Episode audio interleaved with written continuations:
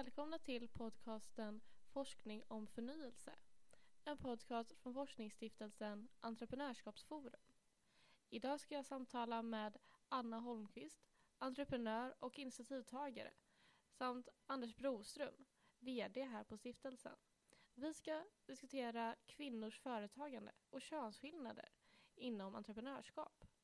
Mitt namn är Hanna Susinski och jag är forskningsassistent. Välkomna!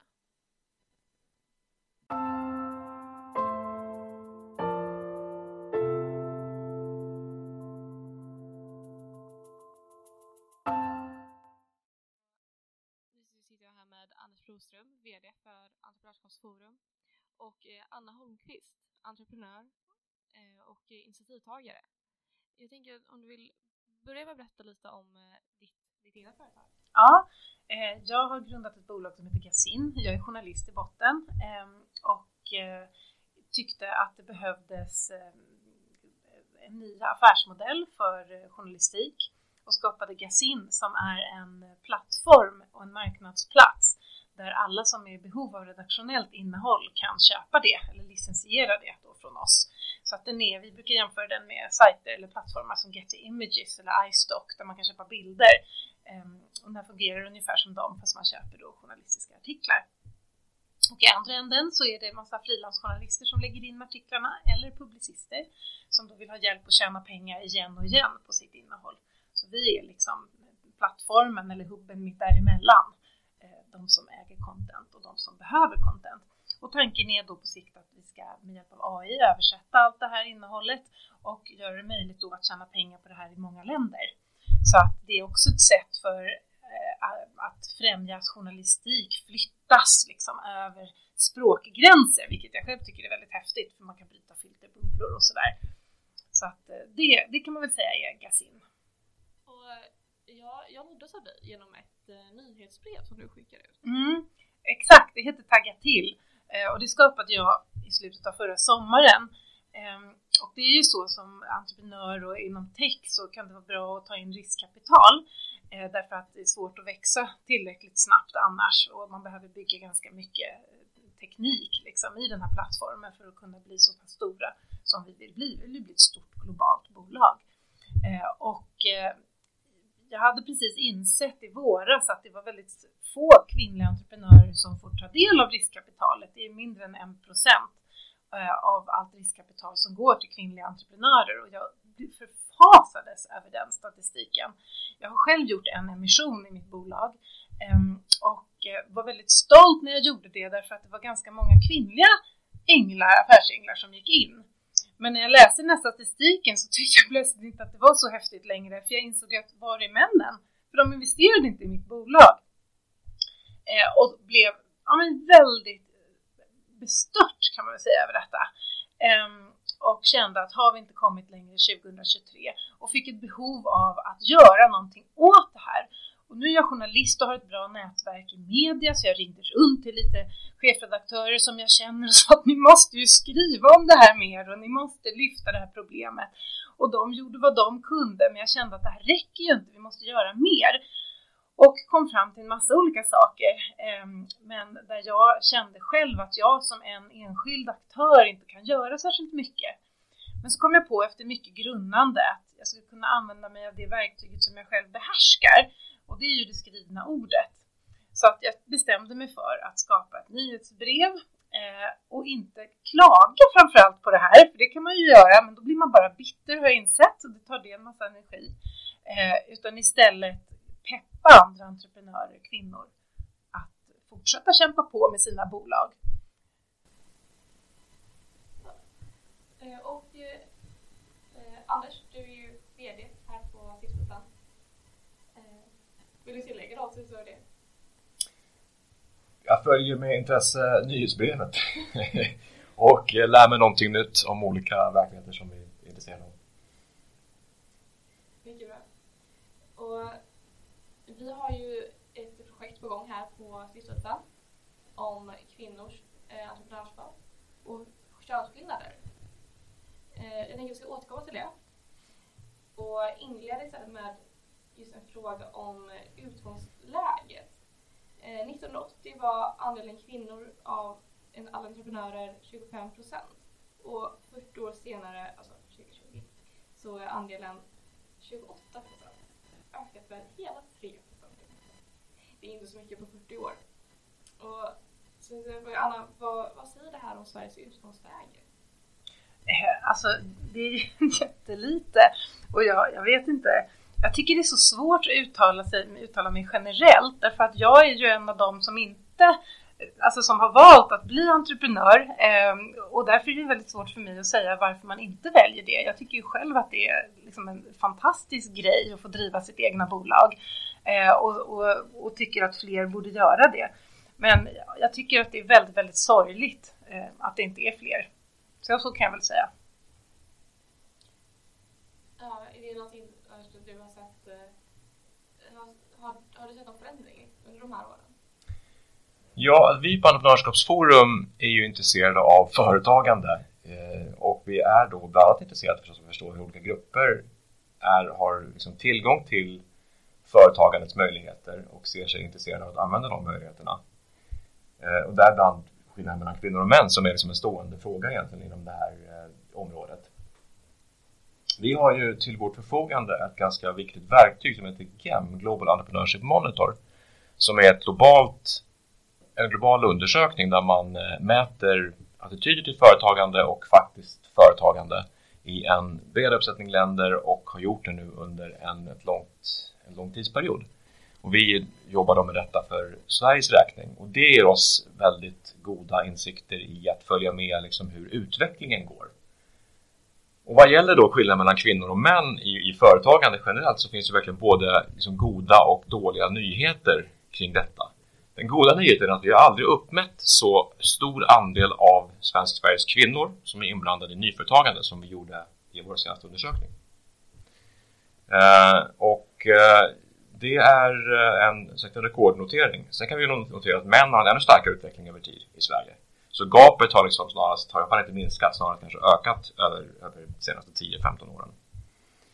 Eh, sen kan vi också notera de, de rejält dåliga nyheterna kanske är att andelen kvinnor som är företagare i befintliga bolag som har funnits ett tag i över tre år eh, och jobbar på med det, den sjunker ganska kontinuerligt över tid från ganska låga, från redan låga nivåer. Eh, och den nedgången ser vi ser större ut i Sverige eller vi hittar inte samma nedgång kanske i jämförbara länder. Så där har vi någonting att verkligen fundera på egentligen vad, vad som eh, håller tillbaka, om det är något som håller tillbaka folk i Sverige på ett, om man säger så, onödigt sätt. Alltså vår utgångspunkt är ju inte alltid att alla borde vara företagare. Men vår utgångspunkt är att det är ganska viktigt att fundera på om det finns barriärer och hinder som gör att hela grupper av människor inte har de möjligheterna eller inte ser sig att det här är inte för mig om man säger så. Och då tror vi att vi tappar bort en del kraft i samhället. det var min andra fråga faktiskt. Man, det, det, här är ju en eh, diskurs som oftast talas om. Men att jag har kanske inte alltid helt förstått varför behöver vi fler kvinnliga entreprenörer? Att så här, det kan ju det kan behöva fler entreprenörer, men var, varför, är det, varför är det viktigt att de är kvinnor? Eh, men du har nog en potential där kanske? Om man tänker liksom nationalekonomiskt, så man betraktar människor som någon slags arbetare liksom i samhällets tjänst, va? då är det förstås intressant att fundera på vad folk eh, gör med, i, i yrkesliv och i ekonomiska sammanhang. Där företagande är ett av flera intressanta val. Som sagt, vi, vare sig för män eller kvinnor så är det ju självklart att en större andel eller procent som blir företagare är ett tecken på den allra bästa ekonomin. Men vi är övertygade om att en sund och bra ekonomi är en där, där, det, där det valet, där den möjligheten står till buds för ganska många. Sen kan det vara så att det finns en så otroligt bra arbetsmarknad. Allas företag kanske går så bra att hon behöver anställa folk som istället för att driva egna företag jobbar för andra istället. Och då är det ett utmärkt tecken på en, en sund ekonomi och en, liksom en, en dynamisk utveckling. Eh, så vi ska inte fixera oss vid olika Eh, mått och eh, bestämma oss för att de alltid måste gå i en viss riktning. Men när vi ser stora skillnader och när vi ser dem över tid och när vi jämför Sverige med andra länder och ser skillnader som vi har lite svårt att förklara, då har vi skäl att rota djupare i det här och verkligen fundera på vilka attityder och kanske också mönster i olika sätt i folks eh, val av utbildning, val av karriär eh, och hur man kommer fram på arbetsmarknaden eller inte kommer fram på arbetsmarknaden och hur det formar de här mönstren. Håller du med om att eh, det kan finnas en eh, outnyttjad potential? Ja men verkligen tror jag. Och jag, jag tänker bara på det här med tillgång till riskkapital till exempel. Jag gjorde en intervju med en kvinna på Almin Väst eh, och frågade bland annat henne vilken typ av entreprenör skulle ni aldrig satsa på? Och hon svarade en ensam entreprenör. Och när jag gör mitt nyhetsbrev så träffar jag oerhört många kvinnor som har startat sitt bolag ensamma. Och jag undrar om det är typiskt kvinnor att starta sitt bolag ensamma. Och vilket är min känsla, men jag är inte säker på att det är så. Jag är själv ensam grundare av mitt bolag. Eh, när hon berättade det så gick jag genast till min kollega och sa, som är man, och sa du borde nog bli co-founder därför att det är så det ser ut här nu att jag kommer inte få in riskkapital från Almi Invest om jag är ensam entreprenör. Och jag kände att det där är lite grann som på 1700-talet när kvinnor inte kunde starta bolag. Då var man tvungen att ha en man som registrerade det där bolaget. Och kände jag, men det här är ju som då. Det här är ju inte klokt. Ska jag behöva ha med mig den här mannen för att det är så strukturerna ser ut? Och Almi Invest är ändå statligt backade. Och, och det blev jag lite skrämd av. Och som sagt, hela tiden träffar jag ju dessa kvinnliga entreprenörer då som, som är själva. Så att det finns ju, tror jag, barriärer som vi kanske inte ens är medvetna om, där ni gör ett så viktigt jobb och får syn på sådana här saker som kanske liksom banar väg för att fler kvinnliga entreprenörer ska känna att det är någon idé. För jag menar när man tittar på statistiken idag, till exempel när det gäller riskkapital som är en viktig sak eh, för att lyckas med sitt bolag, så ger man ju nästan upp i förväg. Och det behövs ju komma liksom förebilder och, och, andra som banar väg för att man ska tro att det är möjligt. Annars jobbar man på och gör det man alltid har gjort, tror jag. För jag tror människor fungerar så. Vi ska komma in lite på siffror. Och 2021 gav Entreprenörskapsforum ut en eh, rapport som heter eh, Kvinnors entreprenörskap och är författad av Per Thulin och Pernilla Norlin. Den rapporten bygger på Gemdata som vi nämnde här. Eh, och Gemdata 2019 är just den rapporten. Den visar att 62 procent av männen i Sverige säger sig ha tillräckliga kunskaper för att starta företag. Men enbart 38 procent av kvinnor säger sig ha detsamma. Det är alltså en differens på 24 procentenheter. Och det ser liknande ut i Norge och Storbritannien. Men i Irland och Italien så är det tvärtom. Att fler kvinnor säger att tilltro till sina egna kunskaper. Så det är lite spritt och skurar. Men hur kan det vara så olika är i liksom ganska lika länder?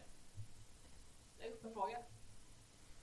Oj, alltså jag kan bara berätta hur det var för mig. Eh, jag, jag hade inte riktigt övervägt entreprenörskap på det sättet som jag, jag nu bedriver mitt entreprenörskap förrän jag jobbade eh, som VD på ett teknik, medieteknikbolag och träffade entreprenörerna som hade grundat det. Det var män, ehm, och det här låter ju kanske fånigt, det, där var, fantastiska människor, men jag kände samtidigt att så fantastiska var de inte. Det där kan jag också göra. Jag har ju faktiskt fördelar som de inte har. Och då kommer vi återigen in på förebilder.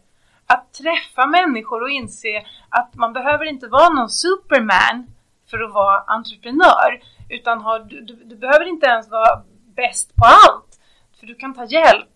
Eh, att det är andra saker som gör entreprenören, tycker jag. Eh, som flexibilitet att ställa om, att kunna parera olika förändringar, att saker inte går som de, man har tänkt. Driv såklart, alltså en massa olika sådana egenskaper som, som skapar en god entreprenör och uthållighet och en massa sådana saker. Eh, och det, för mig var det lite en sån här ögonöppnare. Jag kände lite grann att jag har en bra idé. Jag har liksom inget att skylla på att jag inte gör det här. Jag har kunskap, good enough. Jag har ett bra nätverk som jag kan vända mig till. Jag förstår, liksom, jag, jag, jag löser det här. Liksom. Och, och då gjorde jag det. Så att jag tror att förebilder är väldigt viktigt där. Och det blir ett litet moment 22 då när inte kvinnor får möjligheter som männen att göra det här på. Eh, därför att då kommer det ju inga nya förebilder. Så att jag tror att det här kommer förändras över tid om vi bara jobbar på. Liksom. Förebilder är någonting vi mäter i GEM, eller hur? Det är någonting vi mäter i GEM och det är en väldigt intressant mätserie just på grund kanske av bristen på förändring. man skulle ju vilja tro att det, att det fanns en sån förändring. Eh, vi, nya berättelser kommer fram och ny, man, eh, samhället förändras på många sätt. Men den här mätserien är ju deprimerande eh, liksom konsistent. Det här gapet då mellan att, att, att två av fem kvinnor i våra undersökningar år efter år säger sig att det här, jag har nog rätt förmåga att starta företag om jag skulle vilja. Och tre av fem män säger detsamma, eller, eller fler än så. Eh, det, det hittar vi liksom år, år ut och år in och vi gör det också i de allra flesta jämförbara länder, även om vissa länder, som Italien, sticker ut. Och det vore intressant om vi får åka dit och undersöka vad man gör i Italien. Jag får dela bevisbördan. Eh, men det som vi sen in på det här med entreprenörskapsforskning som vi, vi ändå sysslar med. Jag samtalade med en annan forskare här på stiftelsen om just entreprenörskapsutbildning. Kan man utbilda en entreprenör? Är du utbildad Anna? ja men jag, alltså det, det, är lite roligt att ni frågar för jag får ju ibland inbjudningar till utbildningar och då, då är man så här att vi prioriterar kvinnliga entreprenörer och det blir så här, jaha men jag behöver pengar i mitt bolag, jag behöver inte utbildning. Jag vill liksom, jag har, jag har människor jag kan fråga om råd, eh, jag vet hur jag gör det och jag kan läsa en, en bok och sådär jag kan bli lite provocerad av det. Man ska liksom utbilda de här stackars kvinnorna som då vill bygga bolag. Det, det, vi vill ha liksom samma möjligheter som alla andra eh, först, skulle jag vilja säga. Det tycker jag är det viktigaste. Jag, jag tror man kan utbilda det mesta egentligen och jag tror också utbildning öppnar liksom dörrar. Så det man möter i utbildningen, om jag lär mig någonting om, eh, om jag läser historia så får jag liksom upp eh, syn på saker. Om jag läser om, om entreprenörskap kommer jag få syn på möjligheter och eh, jag kommer också vara mer det kommer vara större risk att jag sen någonsin i livet också kopplar ihop den möjligheten med någonting omkring mig och ser det här att det här kan bli någonting. Så jag tror absolut att det, att det är en eh, att vi kan, man kan och att man formar mönster. Sen kan vi konstatera också med forskningen att de företag som sätter sig ner och eh, startar ifrån skrivbordet på ett universitet direkt ifrån en utbildning om man säger så, inte alltid de som flyger högst och längst. Utan jag skulle, om man sitter någon slags statistisk liksom, eh, sådär, så här brukar det störst chans att, att få ett bolag som verkligen växer och tar fart.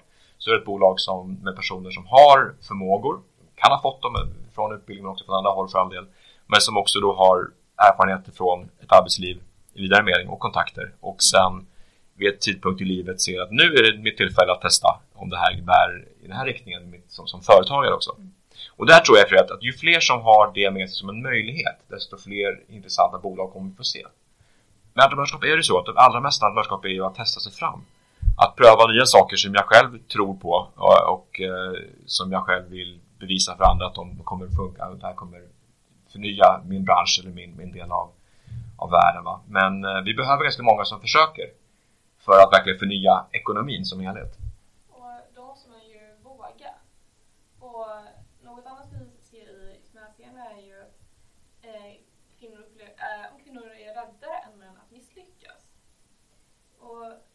Eller, eller är mer riskaversa.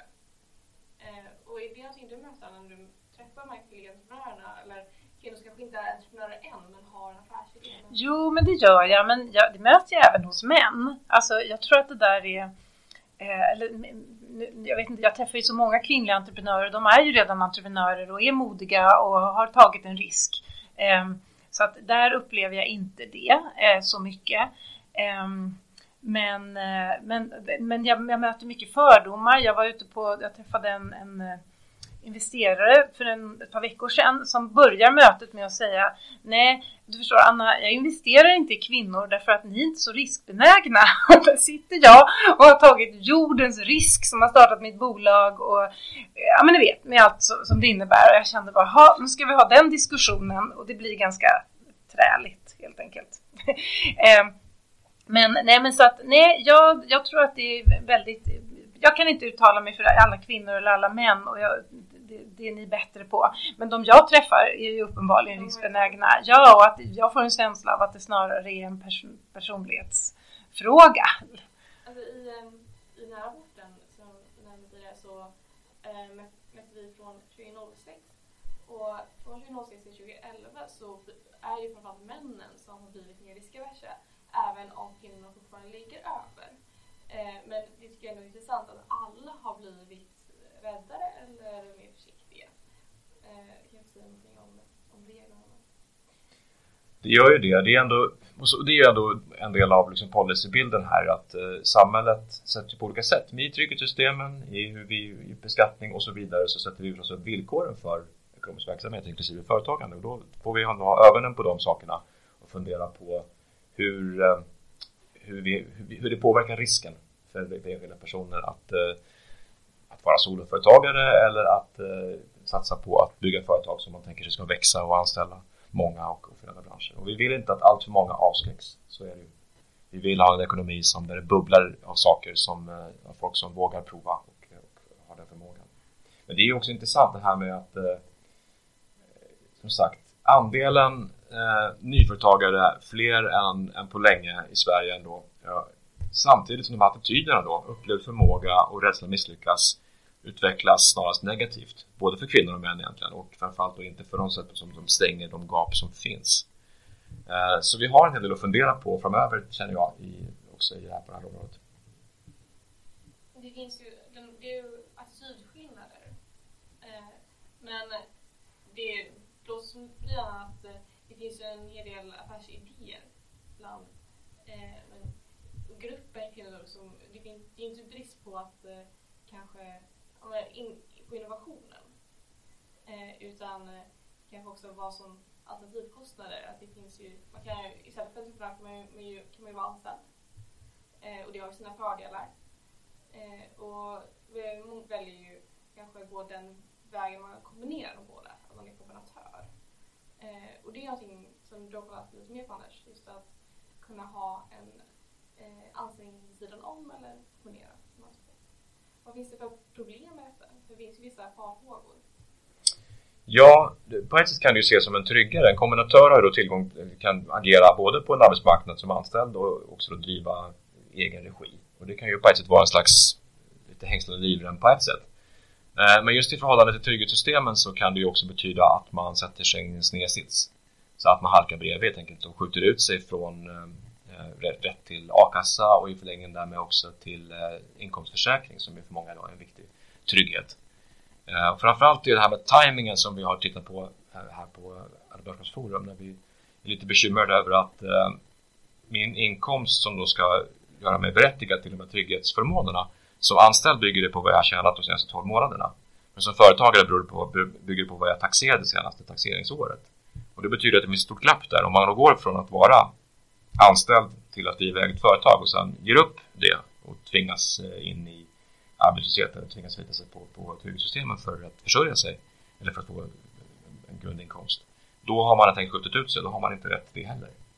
Och det kan ju i värsta fall avskräcka folk från att ta det här klivet. När jag blir av med mitt jobb som anställning och kliver över till och vill kliva över prova på att vara kombinatör eller att vara platsa på egenföretagande på heltid så, så riskerar jag helt enkelt att hamna, halka ur de här trygghetssystemen. Och det kan ju vara en sån sak som avskräcker folk i, om man säger så, på, på ett olyckligt sätt. För, för individen och för, för oss andra som gärna skulle säga att den här personen försörjde sig själv istället för att bli försörjd av trygghetssystemen.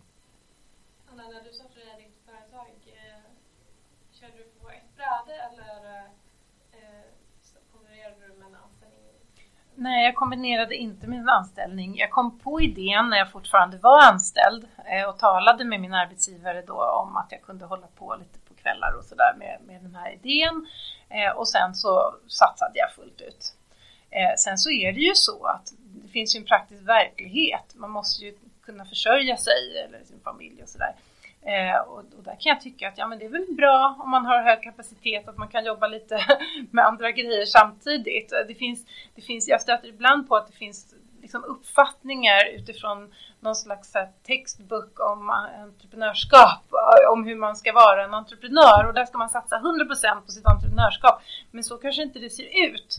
Eh, och jag kan ju snarare bli lite imponerad över alla de som liksom hittar olika sätt att kunna driva sitt bolag vidare. Om det så är att de jobbar med någonting vid sidan om eller, eller har en anställning eller vad det är. Jag tycker det känns väldigt committat i, i motsats till vad då vissa andra tycker att det signalerar tvärtom.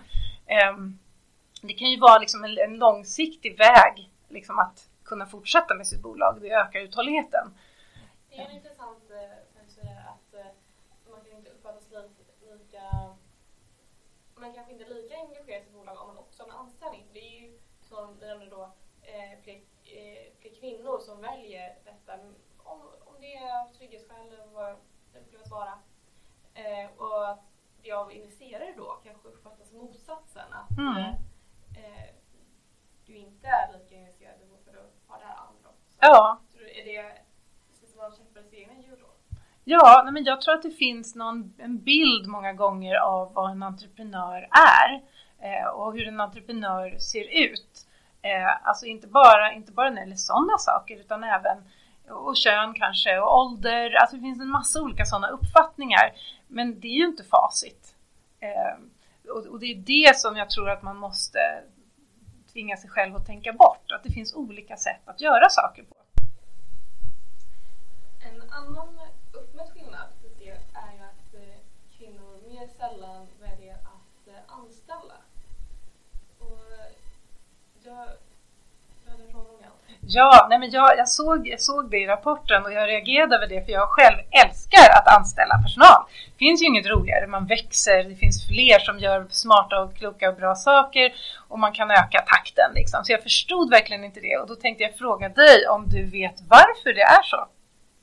Varför vore att ta i? Men det finns eh, intressant forskning som tyder på, som hittar liksom könsskillnader kring det här med att anställa och kring hur det funkar och, och förstås också kring eh, kapital, riskkapital som kan vara en del av möjlighet att anställa och att växa på det sättet. Det finns ju absolut sådana belagda skillnader.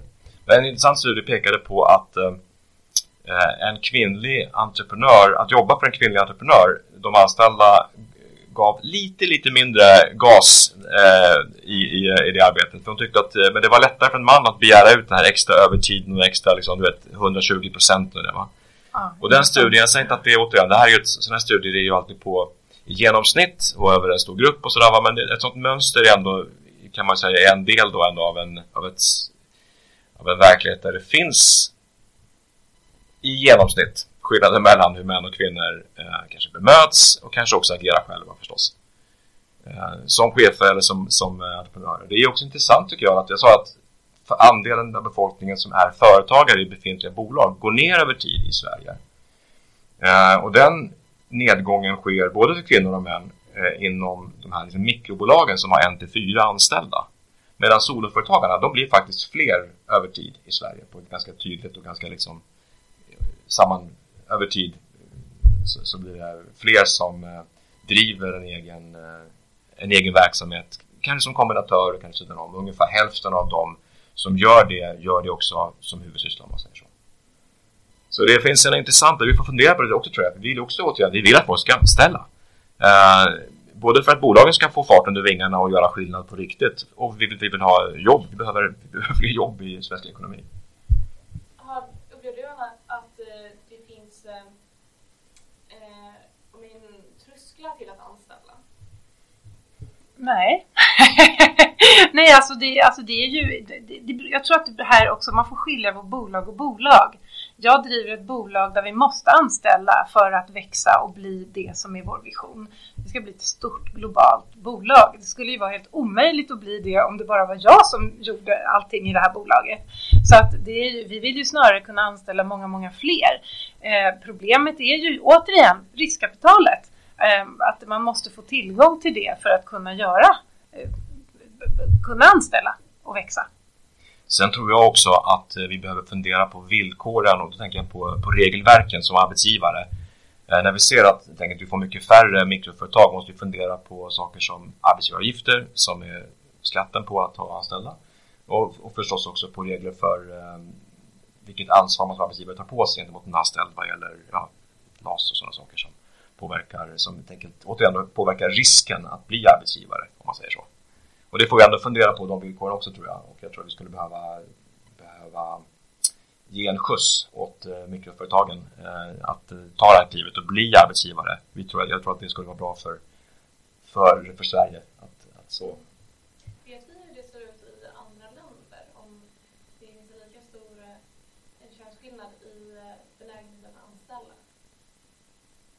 Där får vi nog återkomma. Jag har inte siffror på utvecklingen på samma sätt för andra länder. I alla fall inte för, för de senaste, senaste åren. vi ska också komma in på det projektet som du med nu Anders. Eh, och där vi kanske ska se vad, vad som går framåt. Finns det någonting som eh, vänder uppåt? Ja men som sagt, vi har noterat i den här Agenda-undersökningen i år då som vi eh, lanserar inom kort eh, ett, ett rekordnotering för andelen kvinnor i Sverige som är igång med eller alldeles strax tänker sig vara igång med att, att driva, eh, driva företag. Intressant eh, mönster att eh, rota djupare i och det ska vi förstås se också vad vi kan göra för att få den trenden att, att, att fortsätta. Samtidigt som vi då ser lite mer problematiska trender eller bristen på trender i underliggande kanske attityder men också kanske i, eh i eh, hur många som driver företag som har funnits ett tag. Så, det finns nog, eh, och ändå känslan är väl ändå att det händer ganska mycket och därför kan man också bli lite förvånad över när, när inte siffrorna hänger med. Eh, om man får uttrycka sig så. Vi tycker att det finns ganska mycket positiva saker att peka på där ute. Eh, folk som byter nya banor och gör nya saker. Kvinnor såväl som män och att det finns det finns väl styrkor här att bygga vidare på men också fortsätta utmana både de investerare som inte som inte bemöter inte ser alla sina möjligheter som de som de har att investera i eller, eh, eller folk som inte tror att det här med företagande någonsin kan vara för mig. Och eh, det är ju också intressant med, med ditt att eh, man blir verkligen taggad av att läsa det. Och, Bra! Eh, blir attityder lite kvar Ja, men jag tror det också. Jag tror att man lika intressant som det är med den här datan, lika lite ska man som entreprenör gräva ner sig i den och se på problemen, utan bara jobba vidare. Och det, det ser jag hela tiden när jag pratar med de här entreprenörerna. De sitter ju inte och funderar över att så lite riskkapital går till kvinnor, de jobbar på. Eh, och jag tror att det är precis det man måste göra. Det jag skulle vilja, det är framförallt att de som sitter på den makten att påverka hur det går för oss i form av riskkapital eller andra olika typer av bidrag och stöd eh, ändrar sin uppfattning. Och det tror jag är jättesvårt men jag tror att det är otroligt viktigt.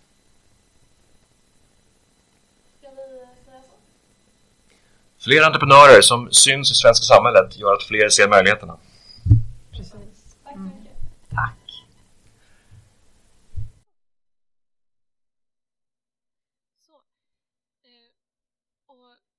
jag har gjort lite intro innan. Ja. Så det framgår vad vi ska tala om.